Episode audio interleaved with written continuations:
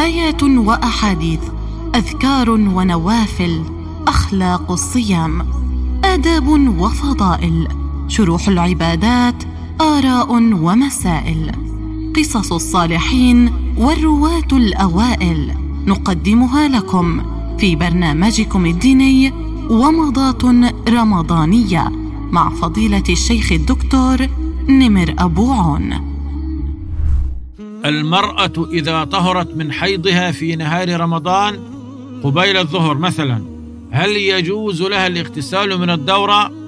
نقول وبالله التوفيق إذا طهرت المرأة من حيضها في نهار رمضان سواء قبل الظهر أو بعده لزمها الغسل ووجب عليها أن تبادر بالاغتسال لئلا تخرج الصلاة عن وقتها فتكون مستحقة للوعيد الذي توعد الله به من يضيعون الصلاة.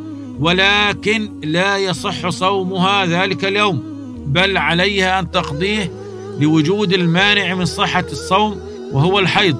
قال ابن قدامة في كتابه المغني ومتى وجد الحيض في جزء من النهار فسد صوم ذلك اليوم سواء وجد في أوله أو في آخره.